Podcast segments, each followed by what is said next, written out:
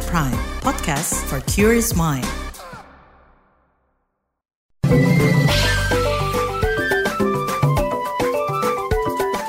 WhatsApp Indonesia.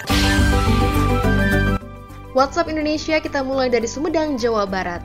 Badan Meteorologi, Klimatologi, dan Geofisika BMKG menemukan sesar atau patahan baru penyebab gempa Sumedang yang terjadi 31 Desember 2023. Kepala BMKG Dwi Korita Karnawati mengatakan, gempa tersebut disebabkan oleh aktivitas sesar aktif yang melewati kota Sumedang yang belum terpetakan sebelumnya. Menurut Dwi Korita, sebaran zona tingkat guncangan dikontrol kondisi panas setempat, kondisi topografi, jurus patahan, dan kondisi bangunan setempat.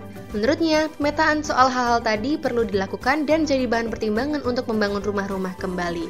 Di Koreta Karnawati menjelaskan wilayah Jawa Barat memang rawan gempa tektonik karena dekat dengan zona tumbukan lempeng Indo-Australia dan lempeng Eurasia di Samudra Hindia. Gempa Sumedang pada akhir tahun lalu menyebabkan 10 orang luka-luka dan 140 rumah rusak di Kabupaten Sumedang dan Bandung. Selanjutnya kita ke Jakarta. LSM Komisi untuk Orang Hilang dan Korban Tindak Kekerasan Kontras menilai vonis bebas terhadap aktivis HAM Haris Azhar dan Fatia Maulidianti menjadi momentum baik bagi demokrasi. Perwakilan Divisi Riset dan Dokumentasi Kontras, Rozi Brilian berharap kebebasan berekspresi dan berpendapat tidak lagi menjadi hal yang ditakutkan masyarakat.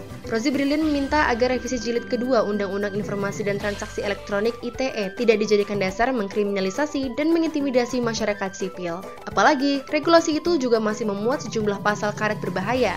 Majelis Hakim di Pengadilan Negeri Jakarta Timur menjatuhkan vonis bebas kepada Haris dan Fatia. Keduanya dinilai tidak terbukti melakukan pencemaran nama baik terhadap Menko Marves Luhut Binsar Panjaitan.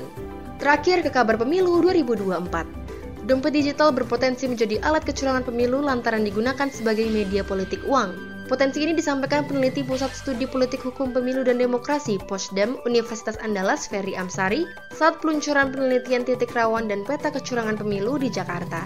Namun kata dia, masyarakat tidak menyadari transaksi tersebut masuk kecurangan pemilu.